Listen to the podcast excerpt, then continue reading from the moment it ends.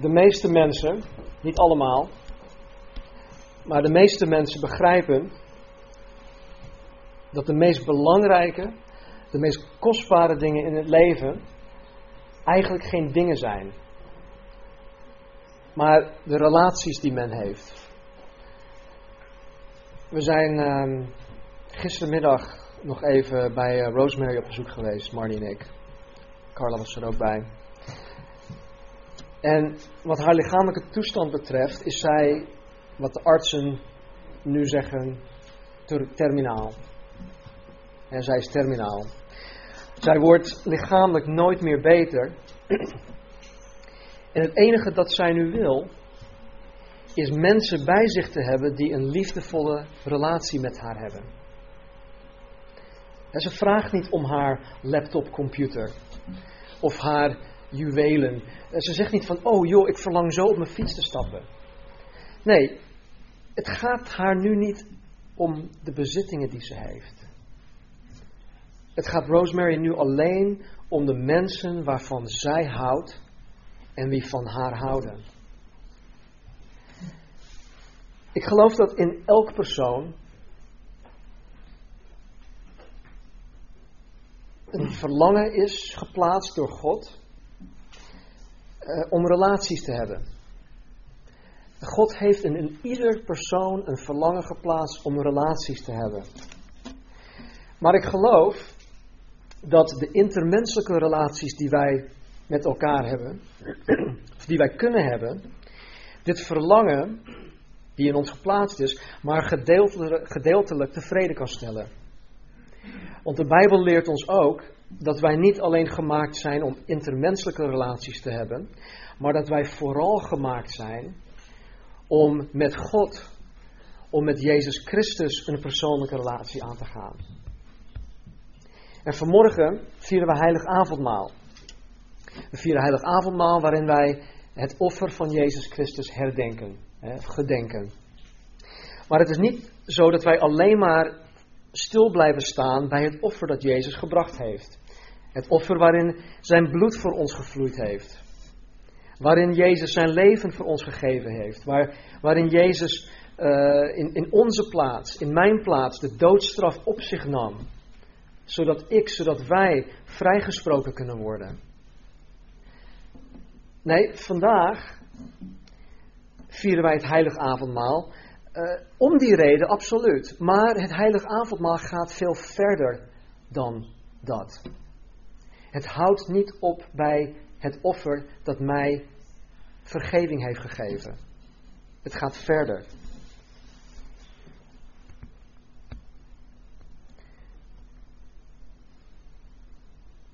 Door deel te nemen aan het heilig avondmaal worden wij deelnemers aan datgene dat het offer van Jezus tot stand heeft gebracht. En vanmorgen gaat het over deelnemer zijn. Deelnemen aan iets dat Jezus Christus tot stand heeft gebracht. En wat hij tot stand heeft gebracht, is de mogelijkheid om een persoonlijke relatie aan te gaan met God. De Bijbel noemt dat gemeenschap. In het Engels heet dat fellowship. Het Grieks woord die daarvoor gebruikt wordt is koinonia. En zo ga ik het vanmorgen, ik probeer het kort te houden, maar ik ga het vanmorgen kort hebben over het belang van gemeenschap, hè, die fellowship, die koinonia, met elkaar. Maar vooral die gemeenschap die wij kunnen hebben met God. En wat dat voor een ieder van ons vanmorgen kan betekenen. Misschien heb je er nu al wat, wat ideeën bij. Van ja, ik begrijp wel wat fellowship is. Ik begrijp wel wat gemeenschap is. Nou, als ik, als ik vanmorgen de gelegenheid zou, zou kunnen hebben, dan zou ik het aangrijpen. Om jullie geheugen helemaal te wissen van jullie beeld van gemeenschap hebben met God en gemeenschap hebben met elkaar. Want ik geloof dat wat hier staat, in het gedeelte die wij vanmorgen gaan lezen, revolutionair is. En dat het ons ook een, een hele andere blik kan geven, kijk kan geven op wat fellowship met God, met elkaar kan betekenen. In 1 Johannes, we lezen vanuit ehm, de eerste brief van de apostel Johannes, dat is helemaal aan het eind, het is, uh, of helemaal, bijna aan het eind. 1 Johannes hoofdstuk 1 en dan beginnen we gewoon bij vers 1. 1 Johannes hoofdstuk 1, vers 1 tot en met 4. Johannes zegt wat er was vanaf het begin. Wat wij gehoord hebben, wat wij gezien hebben met onze ogen, wat wij aanschouwd hebben en onze handen getast hebben van het woord des levens. En het leven is geopenbaard, wij hebben het gezien en wij getuigen en verkondigen u het eeuwige leven dat bij de Vader was en aan ons is geopenbaard. Wat wij gezien en gehoord hebben, verkondigen wij u, opdat ook u gemeenschap met ons hebt. En deze gemeenschap van ons is er ook met de Vader en met zijn Zoon Jezus Christus. En deze dingen schrijven wij u, opdat uw blijdschap of vreugde volkomen wordt. Hij schrijft hier over datgene dat er vanaf het begin was. Maar welk begin heeft hij het over? Heeft hij het over het begin van um, zijn eigen bekering? dat, dat, dat Johannes tot geloof kwam in Jezus Christus? Nee, ik denk het niet. Hij heeft het ook niet over het begin dat Jezus als baby in de aarde, op, op aarde was gekomen. Het eerste kerstfeest. Hij heeft het ook niet over um, het begin of het ontstaan van deze aarde of het begin van het ontstaan van de mensheid. Johannes heeft het hier over het begin voordat alles dat nu bestaat ooit bestond. Hij heeft het hier over de tijd wanneer alleen God bestond en niets en niemand anders. De Bijbel begint in Genesis hoofdstuk 1 vers 1 met dit. In het begin schiep God de hemel en de aarde. Dat is het begin van de schepping. Vele mensen vragen, ja maar wat was daarvoor dan? Wie heeft God geschapen? Dat is een terechte vraag. Die vraag zal vanmorgen ook beantwoord worden. Dus Mozes schrijft hier in Genesis over het begin van de schepping van het heelal. Het begin ook van de tijd zoals wij dat nu kennen. In het evangelie van Johannes, dus niet deze brief, maar het evangelie van Johannes, begint Johannes met, in het begin was het woord, hij spreekt hier over Jezus, het woord was bij God en het woord was God. Dit begin waarover Johannes schrijft, gaat nog verder terug dan Genesis 1, vers 1. Dus hij spreekt hier nu over de tijd voor de schepping. Ik krijg, als ik hierover nadenk en als ik erover pijns, dan krijg ik er hoofdpijn van. Want ik kan het niet vatten. Mijn menselijk uh, verstand en, en mijn, mijn vermogen om dingen te begrijpen, mijn logica, kan niet vatten dat, dat er ooit iets bestaan heeft voor de tijd. Voordat tijd begon. En want ik of wij, wij leven in het verleden, wij leven in het heden en we leven in de toekomst. wij zijn gebonden aan de tijd. Wij zijn vanmorgen in het verleden allemaal aangekomen hier. Wij zitten nu hier. Maar wat ik net gezegd had, dat is alweer verleden tijd. En we gaan straks weer weg. We gaan straks op de foto.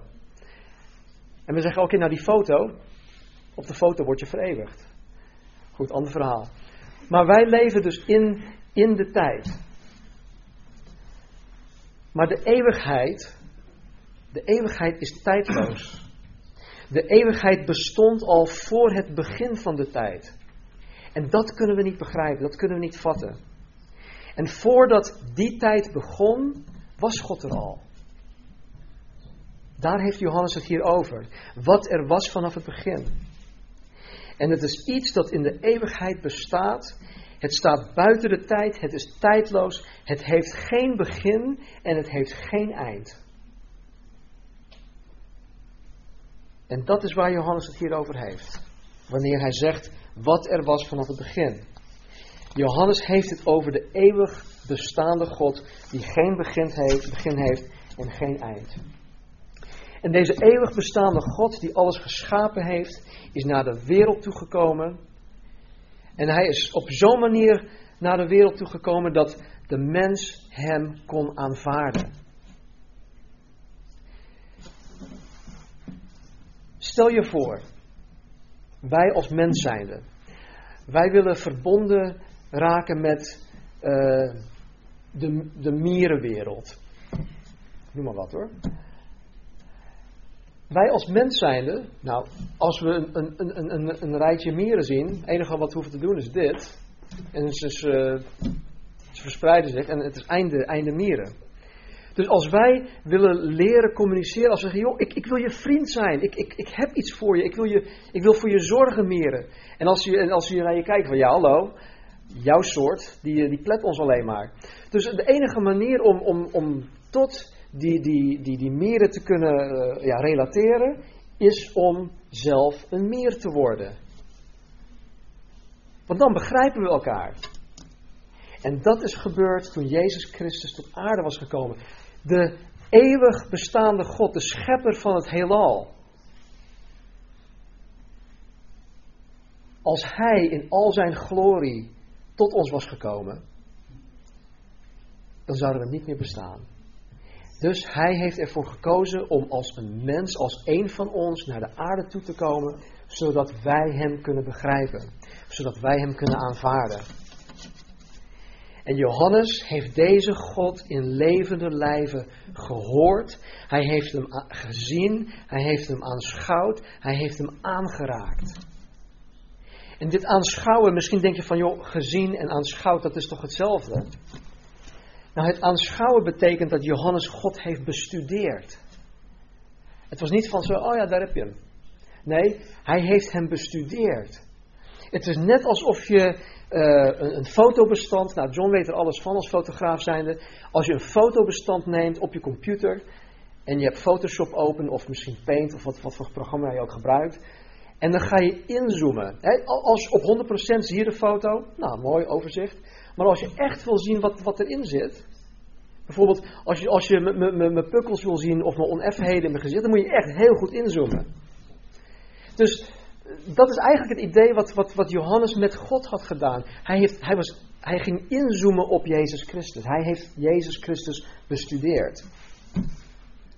Zodat hij heel goed kon zien wie hij was. En niet alleen dat, ook heeft Johannes God met eigen handen aangeraakt. God werd mens en Johannes kon hem aanraken. Hij heeft hem waarschijnlijk meerdere malen omhelst. In die tijd was het gebruikelijk om om, om elkaar ook te kussen. Hè, als man zijnde. En ik weet zeker dat Johannes hem ook heeft gekust. Vers 2. En het leven is geopenbaard. We hebben het gezien, wij getuigen en verkondigen u het eeuwige leven dat bij de Vader was en aan ons is geopenbaard. Wat hij hier zegt is dat God naar de wereld is gekomen en heeft zichzelf dusdanig geopenbaard dat de mens hem persoonlijk kan kennen. God heeft zichzelf toegankelijk gemaakt voor iedereen. Het is niet voor een exclusief clubje. Van de hele slimme mensen of de hele geestelijke mensen. Het is, God is voor ieder mens toegankelijk geworden. Dus als je God vanmorgen nog niet kent, dan kan je vanmorgen kennis met hem maken. Hij is hier in ons midden. En als je hem kon zien, dan staat hij met zijn armen waarschijnlijk voor je van, joh, kom, kom tot mij. Kom, laten we kennis maken. Ik wil een relatie met jou aangaan. Johannes schrijft hier als een ooggetuige. Hij weet waar hij het over heeft. Hij heeft God met eigen ogen gezien. Hij heeft hem bestudeerd. Hij heeft hem aangehoord. Hij heeft hem aangeraakt. En hij zegt als het ware: Laat me je vertellen over die God. En in vers 1 noemt hij deze God het woord des levens. Dat woordje woord, dat staat in mijn Bijbel met een hoofdletter W geschreven. Ondanks dat het in het midden van de zin staat. En dat staat daar zo omdat Johannes in de grondtekst een heel specifiek woord gebruikt om God hiermee te omschrijven. In het oud Jodendom was het zo dat wanneer de Joden God niet direct wilden noemen hè, als God, um, dat is vaak uit eerbied, gebruikten ze bijvoorbeeld um, het woord als titel van God. En dus als ze, als het over God hadden, dan zeiden ze het woord. In plaats van gewoon God te zeggen. Yahweh. De Joden zagen dus geen verschil tussen de benoeming van God, hè, Yahweh, als God als het woord. Dus als ze zeiden van het woord, dan, dan bedoelden ze God. En dit geeft aan dat Gods woord en God zelf onlosmakelijk aan elkaar verbonden waren. En nog steeds zo zijn. Dus in de gedachten van de Joden was God en Gods woord één en dezelfde. Wij leven um, hè, momenteel, anno 2009, in een zeer technologisch geavanceerde tijd. En de mensheid denkt van zichzelf dat we heel wat zijn. Ik moet toegeven, we hebben de afgelopen honderd jaar heel veel bereikt. Maar ik denk dat we ook arrogant zijn geworden. Want we vinden van onszelf dat we gewoon super slim zijn. Slimmer zelfs dan God. Maar weet je, de Grieken van de oudheid, duizenden jaren geleden, de tijd van Jezus, de tijd van Johannes, de tijd van Paulus, waren ook super slim. Zij hadden in die tijd ook hoogbegaafde wetenschappers. sterrenkundigen, filosofen enzovoort enzovoort. Zij bestudeerden de jaargetijden, de zon, de maan, de sterren, het heelal. Ze bestudeerden eb en vloed. En ze zagen door hun studie van deze dingen dat er orde was. Ze zagen dat het georganiseerd was en dat het niet zomaar door toeval tot stand was gekomen. of dat het door toeval in stand werd gehouden. En ze waren ervan overtuigd dat er iets moest zijn dat deze orde heeft gebracht aan het heelal. Ze waren ervan overtuigd. Er is iets, er moet iets zijn. En ze kwamen tot de conclusie dat er een hogere macht bestond die alles tot stand had gebracht en in stand hield. En deze hogere macht noemden zij het woord. Ofwel in het Grieks noemden zij het de logos. En logos betekent onder andere gedachte. Want er moest iets of iemand zijn die hierover nagedacht heeft. Dat was hun beredenering. Dat woord logos betekent ook reden. Want er moest iets of iemand zijn die een reden had om dit allemaal gemaakt te hebben en het in stand te houden. Het betekent ook logica, want alles dat bestaat is het gevolg van een oorzaak. Dat is logica. Dus Johannes zegt hier dat Jezus Christus die logos is. Jezus Christus is het woord. En deze logos is naar de aarde toegekomen om zichzelf aan de mens te openbaren. Om zichzelf aan de mens bekend te maken, om de mens leven te geven. Daarom noemt hij Jezus het woord des levens. Misschien heb je vanmorgen ook het idee dat er een hogere macht is die dit allemaal tot stand heeft gebracht. Misschien loop je rond met die gedachte dat, dat, dat, je, dat je zoiets hebt van, joh, er moet iets zijn. Maar wat het is, of hoe het eruit ziet, of wie het is, dat weet ik niet. Weet je, vele mensen lopen met die gedachte rond. Ik spreek veel mensen die die, die, die gedachte hebben. En als jij die gedachte vanmorgen hebt, dan wil ik je vanmorgen aan diegene voorstellen waarvan je denkt, hé, hey, er moet een hogere macht zijn. Nou, die hogere macht, die is nu in ons midden en zijn naam is Jezus. En hij is de logos van het leven. Vers 3.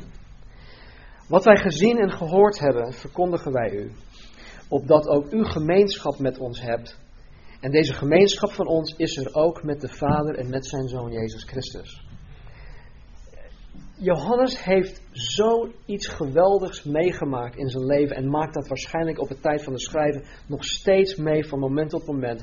Dat hij op zijn 90 plusjarige leeftijd nog steeds diep onder de indruk was en dat hij het niet kan laten om dit te blijven verkondigen. Hij blijft het maar vertellen. En dat deed Johannes tot zijn dood aan toe. Tot zijn laatste adem bleef hij deze boodschap verkondigen. Rosemary vertelde gisteren nog. Oh, ik, eh, ze krijgt nu hulp. Uh, thuiszorg en verpleegkundige en dat soort dingen. Ze zei: Oh, ik heb vanmorgen nog getuigd aan die, aan dat, aan die vrouw, die jonge vrouw. Ze ligt op de sterfbed. Het kost er zoveel moeite om, om te praten.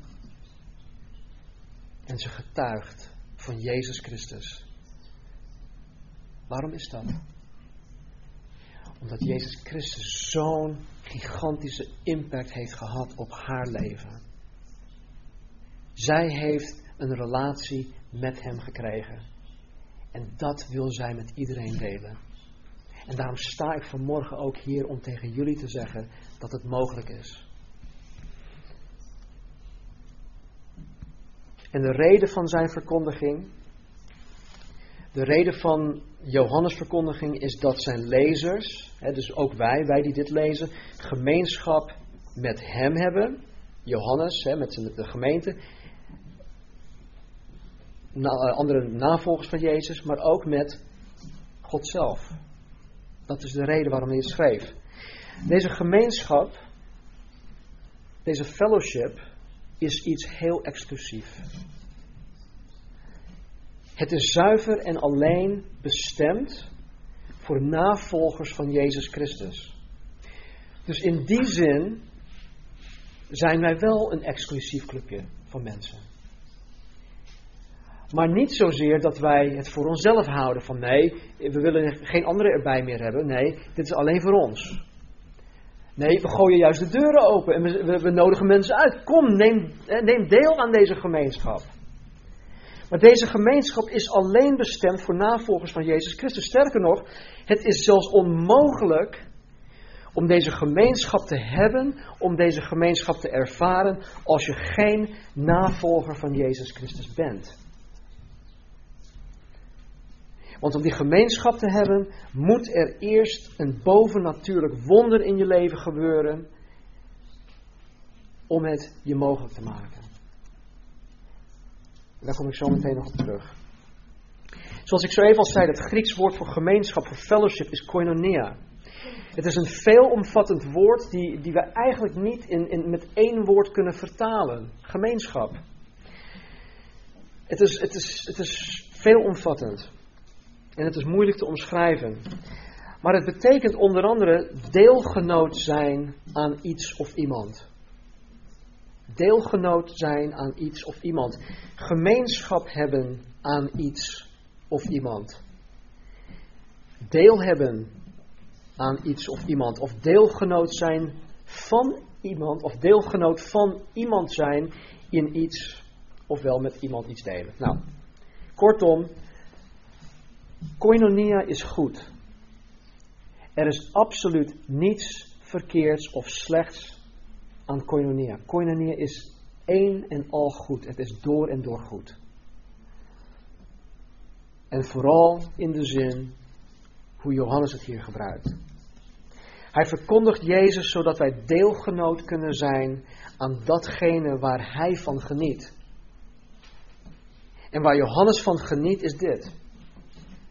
De gemeenschap van ons is er ook met de Vader en met zijn Zoon Jezus Christus. Dus Johannes zegt hiermee dat de eeuwig bestaande God, de logos van het leven, de schepper van het heelal, de reden voor ons bestaan, is als een mens naar de aarde toegekomen en ik heb hem gezien, ik heb hem bestudeerd, ik heb hem gehoord, ik heb hem met eigen handen aangeraakt. En Johannes zegt dat wij, wij vanmorgen,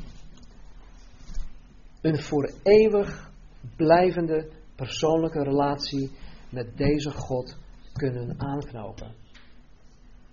Het is mogelijk. Hij zegt dat God het ons mogelijk heeft gemaakt om koinonia met Hem te hebben. Dit betekent dat het voor ons mogelijk is om met God een persoonlijke, een levende, een levende relatie, een liefdevolle relatie met Hem te hebben, waarin God Zijn leven met ons deelt en waarin wij ons leven met Hem delen. En dit, mensen, is revolutionair. Dit is ongekend in deze wereld. Geen enkel andere godsdienst kan dit bieden, omdat je dit alleen kan hebben met een levende God. Hiernaast hebben we zo'n totempaal. Dat werd jarenlang, eeuwenlang, misschien vandaag de dag nog steeds, geacht als een God. Het is toch kolder om te denken dat, dat je met een totempaal gemeenschap zou, zou kunnen hebben. Nee, deze fellowship waar Johannes het over heeft, kan je alleen hebben met een levend persoon, met een levend wezen. En God heeft het ons mogelijk gemaakt. waar de restanten van Confucius, van Boeddha, van Mohammed nog in hun graven liggen, is het graf van Jezus Christus leeg. Hij is opgestaan, hij leeft. En hij heeft het jou ons mogelijk gemaakt om gemeenschap met Hem te hebben en met God de Vader. En Hij heeft dit gedaan om één reden. Hij heeft het om één reden gedaan. Omdat Hij van je houdt. Hij houdt van je. Johannes en ik, ik, ik spreken hiervan alsof het vanzelfsprekend is dat, dat men zo'n zo'n relatie met God wil hebben. Want in mijn optiek is dit is de beste deal van, van de eeuwen. Er is niets beters dan dit. Dus ik denk, van, ja, het is vanzelfsprekend dat mensen dit willen hebben. Daar ga ik ook van uit. Maar dit spreekt heel veel mensen totaal niet aan. Want ze hebben verkeerde opvatting van God. Velen willen niets met God te maken hebben. En laat staan dat ze een persoonlijke relatie met, met, hem aan willen gaan. Er zijn verschillende redenen daarvoor, maar ik wil alleen één ding noemen vanmorgen. En, en soms is het omdat, God, ja, omdat zij God simpelweg niet kennen. Ze weten niet wie die God is. Hoe liefdevol, hoe genadevol, wat hij met hun leven wil en wat hij met hun leven bedoeld heeft. Dus soms willen ze mensen dat niet, omdat ze het gewoon niet weten. En een aanbod om met God op te trekken is voor sommigen net zo aantrekkelijk als een aanbod die je aan een 14-jarige doet om met de rector van de school op te gaan trekken. Woehoe! Boeien. Nou, wie, wie van jullie jongeren willen dat?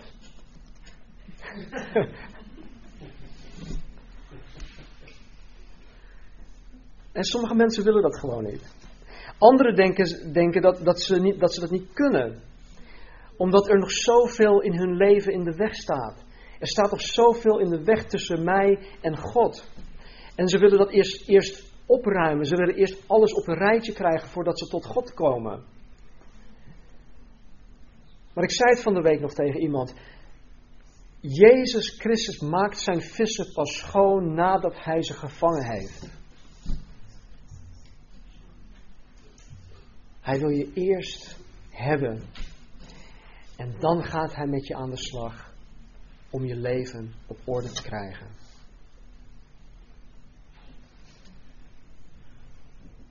Sommige mensen willen het niet, omdat ze gewoon niet weten hoe die gemeenschap met God in zijn werk gaat.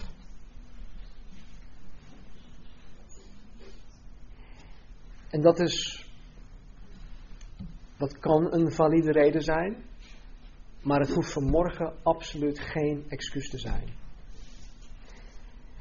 Wie van jullie kunnen mij nu zien? Oké, dus de helft. ik, ga, ik ga ervan uit dat, dat jullie mij allemaal kunnen zien, toch? Oké. Weten jullie pre- precies hoe het zichtvermogen in zijn werk gaat?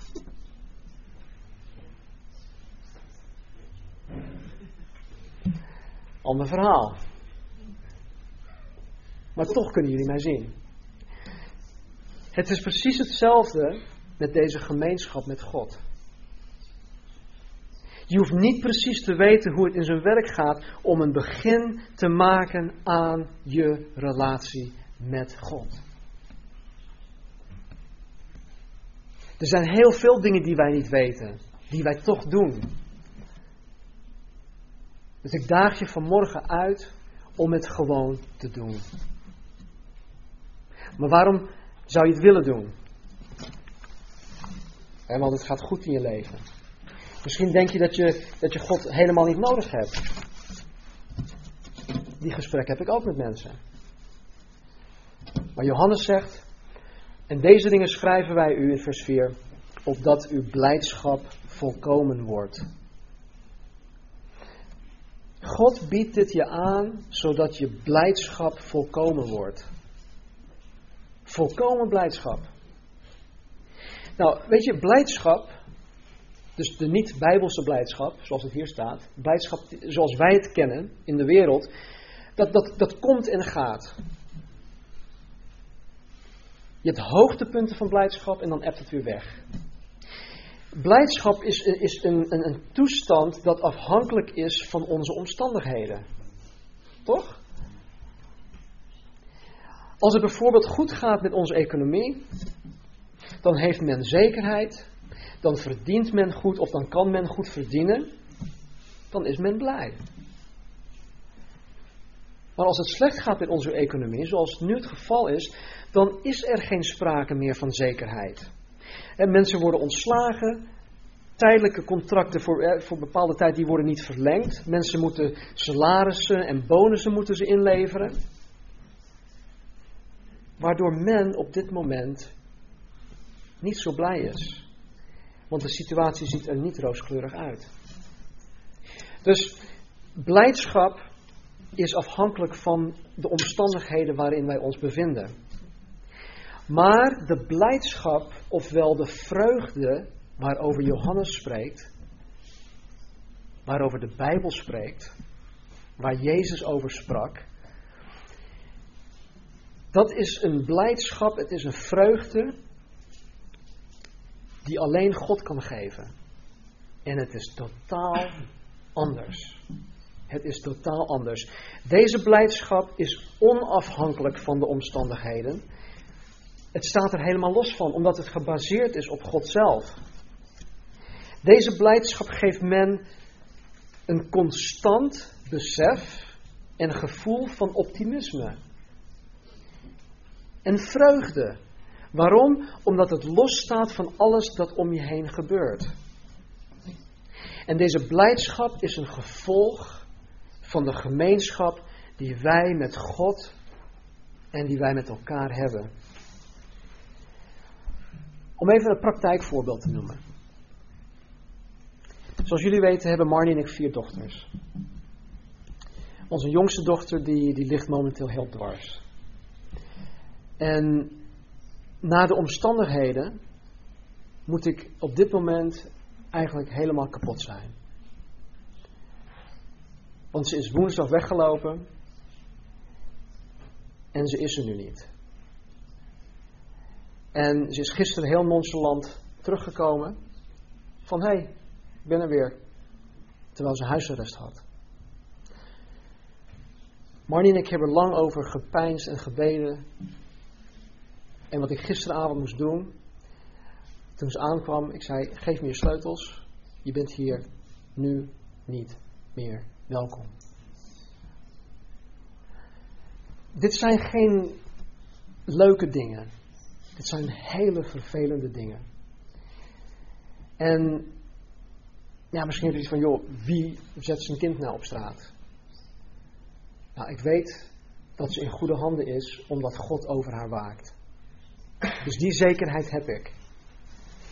En ondanks deze omstandigheden, ondanks dat er zoveel uh, de afgelopen week is gebeurd, ook rondom het, het overlijden, het, het, het, ja, uh, niet het overlijden, maar uh, de ziekte van, van Rosemary en, en ook andere ellende, ellendige dingen, goed. Ondanks deze dingen heb ik, en Marnie ook, wij hebben een constant besef en gevoel van optimisme. En vrede en vreugde. Omdat die toestand, het is een geestelijke toestand die God je geeft. En het staat los van mijn baas, het staat los van, van al die ellende, het staat los van, van, van Kendall, het staat los van alles. Waardoor ik een constant besef en gevoel van vreugde en vrede kan ervaren. En het is niet zo dat ik uh, ongevoelig ben geworden of dat ik passief ben geworden. Nee, het is gewoon dat God mij die vreugde geeft. En vreugde is niet altijd van yeah, jippie. Nee, vreugde kan ook heel mooi tot uiting komen als ik gewoon in mijn stoel zit en van Heer, oh God, wat bent u goed. Helemaal stil zijn. Vrede en vreugde in je hart.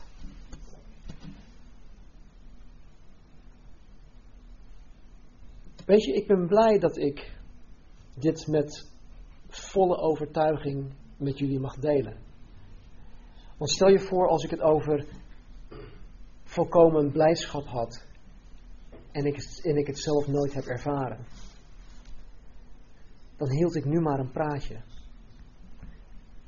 Maar ik ben blij, ik ben dankbaar dat God mij door deze dingen heen brengt, zodat ik jullie met volle overtuiging mag vertellen over de blijdschap die God in staat is om ons te geven.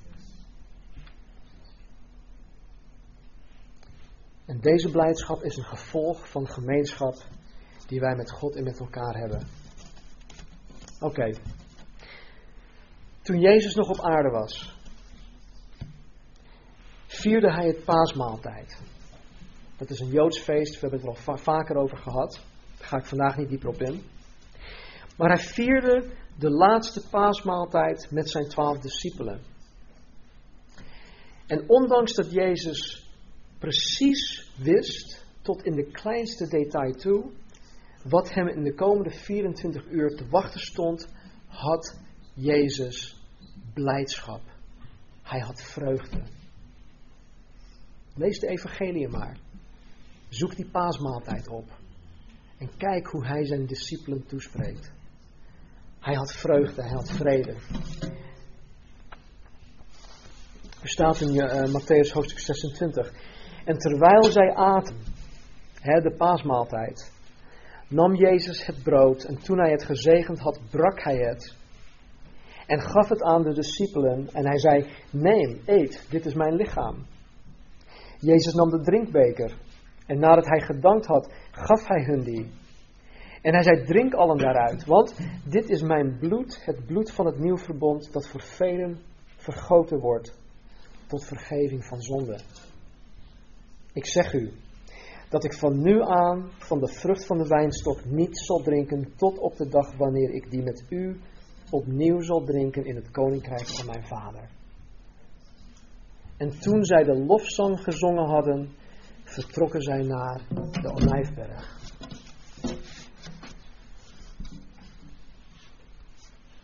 toen zij de lofzang gezongen hadden. Jezus wist tot in elk detail aan toe wat hem te wachten stond. Dat hij gearresteerd zou worden, dat, hij verraden zou worden door Judas, door een van de twaalf, dat hij gearresteerd zou worden.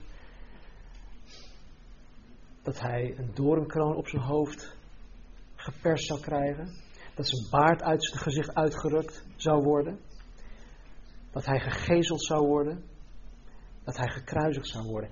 Hij wist van elk detail. En wat doet hij?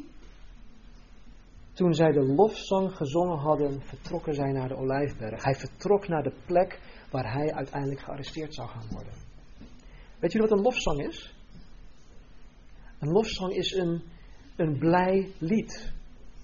waar men over de goede dingen van God, God zingt. Hoe goed God is. En dat kunnen wij met ons verstand niet rijmen. De ellendige situatie van Jezus Christus, wat hem te wachten stond,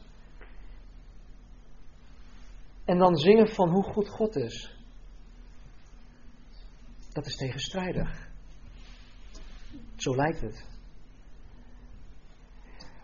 In Hebreeën hoofdstuk 12 zegt, zegt, zegt de schrijver dat. Even opzoeken.